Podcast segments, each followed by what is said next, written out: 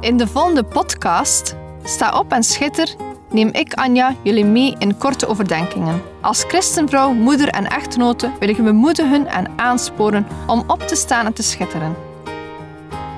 We zijn niet gemaakt om in Gods koninkrijk stil te zitten en niets te doen, maar om op te staan en dienstbaar te zijn. In de eerste plaats over God, daarna over ons gezin, onze partner of onze geloofsgenoten. En als gevolg zullen we dan ook schitteren in de wereld. Neem je Bijbel bij de hand, want zonder Bijbel zijn we als een kok zonder eten of een zanger zonder stem. Dus luister naar, sta op en schitter.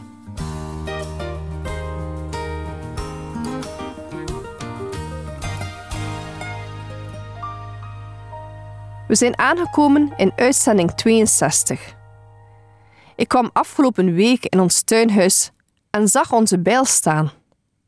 Ik dacht daarbij terug aan uitzending 48, die als thema een bijl had. Ik vraag me af: hebben jullie ondertussen jullie bijl al wat bijgeslepen? Hebben jullie de tijd genomen om de Bijbel te lezen? In de podcast van vandaag gaan we alvast onze bijl wat bijscherpen. Ik wil namelijk onze identiteit bekijken. In mijn portemonnee zit mijn identiteitskaart. Daar vind ik allerhande gegevens over mezelf, zoals mijn naam, nationaliteit, rijksregisternummer, geboorteplaats en datum. Dit is mijn identiteit wat de wereldse gegevens betreft. Ik heb deze identiteit nodig om te kunnen leven binnen Europa. Maar mijn identiteit gaat verder dan wat op dit kaartje staat. Identiteit gaat over de vraag hoe je jezelf ervaart en hoe je in de wereld staat. Als je iets over identiteit weet, kun je antwoord geven op vragen als: Wat vind ik belangrijk in mijn leven? Hoe doe ik de dingen in mijn leven? Hoe ervaar ik dingen in mijn leven? Je identiteit wordt voor een groot stuk bepaald door je opvoeding, vrienden, familie, collega's maar ook je geloofsovertuiging speelt hier een grote rol in. Het is van groot belang om jezelf even in de spiegel te bekijken en je identiteit te onderzoeken. Het ontdekken van je identiteit is niet zo eenvoudig. Als ik mezelf bekijk, dan heb ik vaak andere petjes op. Ik ben moeder, echtgenoot, verkoopster, collega, vriendin of kennis. Dan hebben we ook onze online identiteit. Sommigen gebruiken hun eigen naam voor hun sociale media. Anderen gebruiken een afkorting. Of nog anderen doen zich voor als iemand anders. Ze creëren een andere persoon die ze graag zouden willen zijn. Ik zie personen die op sociale media steeds gaan voor een positieve identiteit. Bij anderen is het juist andersom en nemen een negatieve identiteit aan. Bij deze online identiteit gaat het vaak over aandacht krijgen. Zoals ik al zei, onze identiteit wordt gevormd door een hele reeks aan dingen.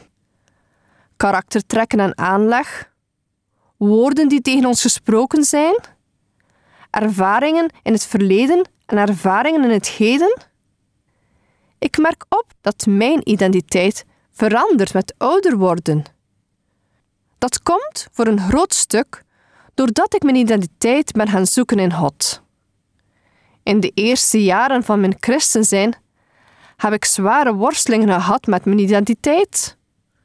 Bijvoorbeeld, mijn echtgenoot gaf vaak complimenten over mijn uiterlijk, maar zelf voelde ik dit niet zo aan.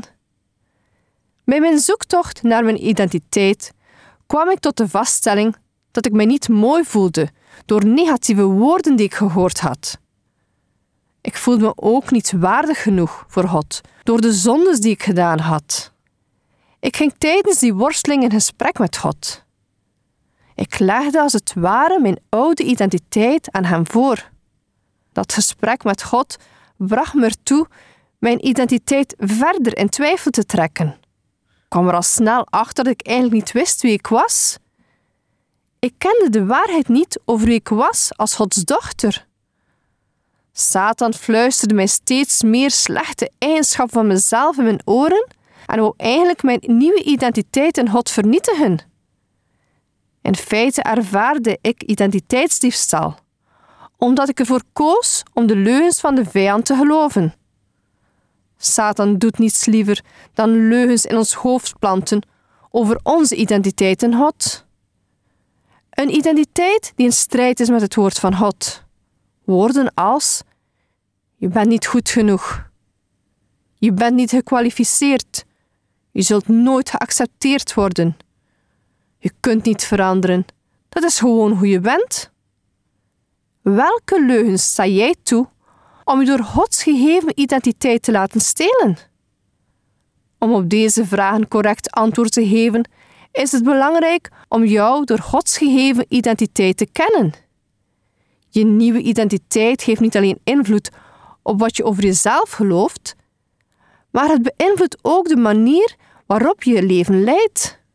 Ik heb in mijn nieuwe identiteit leren omgaan met de complimenten die mijn echtgenoot mij gaf. Ik zie mij als een prachtige schepping van God, ondanks mijn tekortkomingen. Laat me Gods woord bekijken. In 2 Korintiërs 3, vers 18 staat er: Wij allen nu, die met onbedekt gezicht de heerlijkheid van de Heere als in een spiegel aanschouwen, worden van gedaante veranderd naar hetzelfde beeld, van heerlijkheid tot heerlijkheid, zoals het door de geest van de Heere bewerkt wordt. We worden dus opgeroepen om in de spiegel te kijken, naar de schoonheid van God, en door te kijken naar God zullen we veranderen naar zijn beeld. Dit gaat enkel door de Heilige Geest. Dus het vormen van onze identiteit gaat gepaard met God zoeken en de Heilige Geest aan het werk laten. Begin alvast met jouw identiteit te zien als duur gekocht. En dit volgens 1 Corinthiërs 6 vers 20. Duur gekocht. Klinkt misschien vreemd, maar dit wil zeggen dat Jezus de prijs betaalde om ons vrij te krijgen van de zonde. Dus als we onze zonden blijden, dan zijn we vergeven. Dus in onze nieuwe identiteit mogen we dit ten volle beseffen dat we gekocht en betaald zijn. Als we onze zonden beleiden, zijn we verheven. God gooit onze zonden op de bodem van de zee en we ze daar achterlaten. Boven die zee hangt een kaartje, verboden te vissen. We hebben zo vaak de neiging onze oude zonden weer boven te halen, als ze nog niet verheven zijn. In je nieuwe identiteit ben je verheven. Je bent volgens 2 Korinters 5, vers 17 een nieuwe schepping.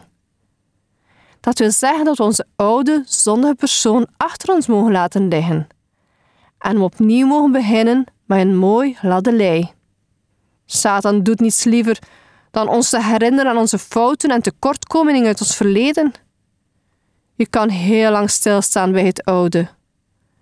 Maar het gaat erom dat je nieuwe schepping bent.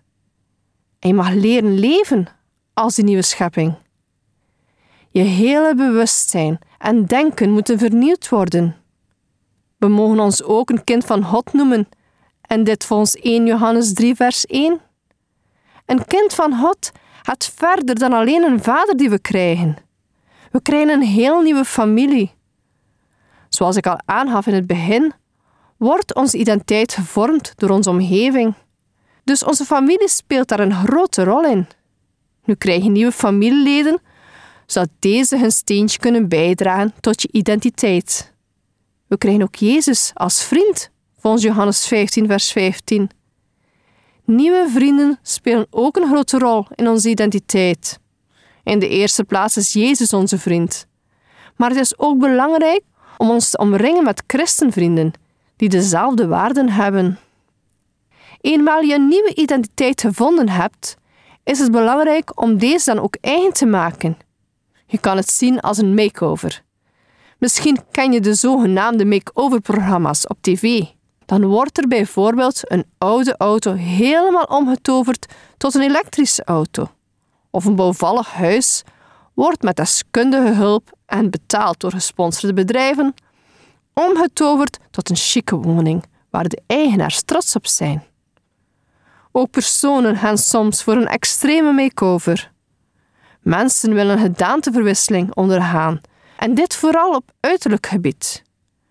Je ziet zo'n makeover zowel bij bekende personen als bij de gewone mensen. Ze willen een ander imago hebben, dus een ander kapsel, een ander look in hun kleding en opmaak. Eigenlijk wil God bij ons ook een makeover doen. Verandering hoort bij leerlingen van Jezus. Dat is heel bijbels. We mogen meer en meer lijken op Jezus.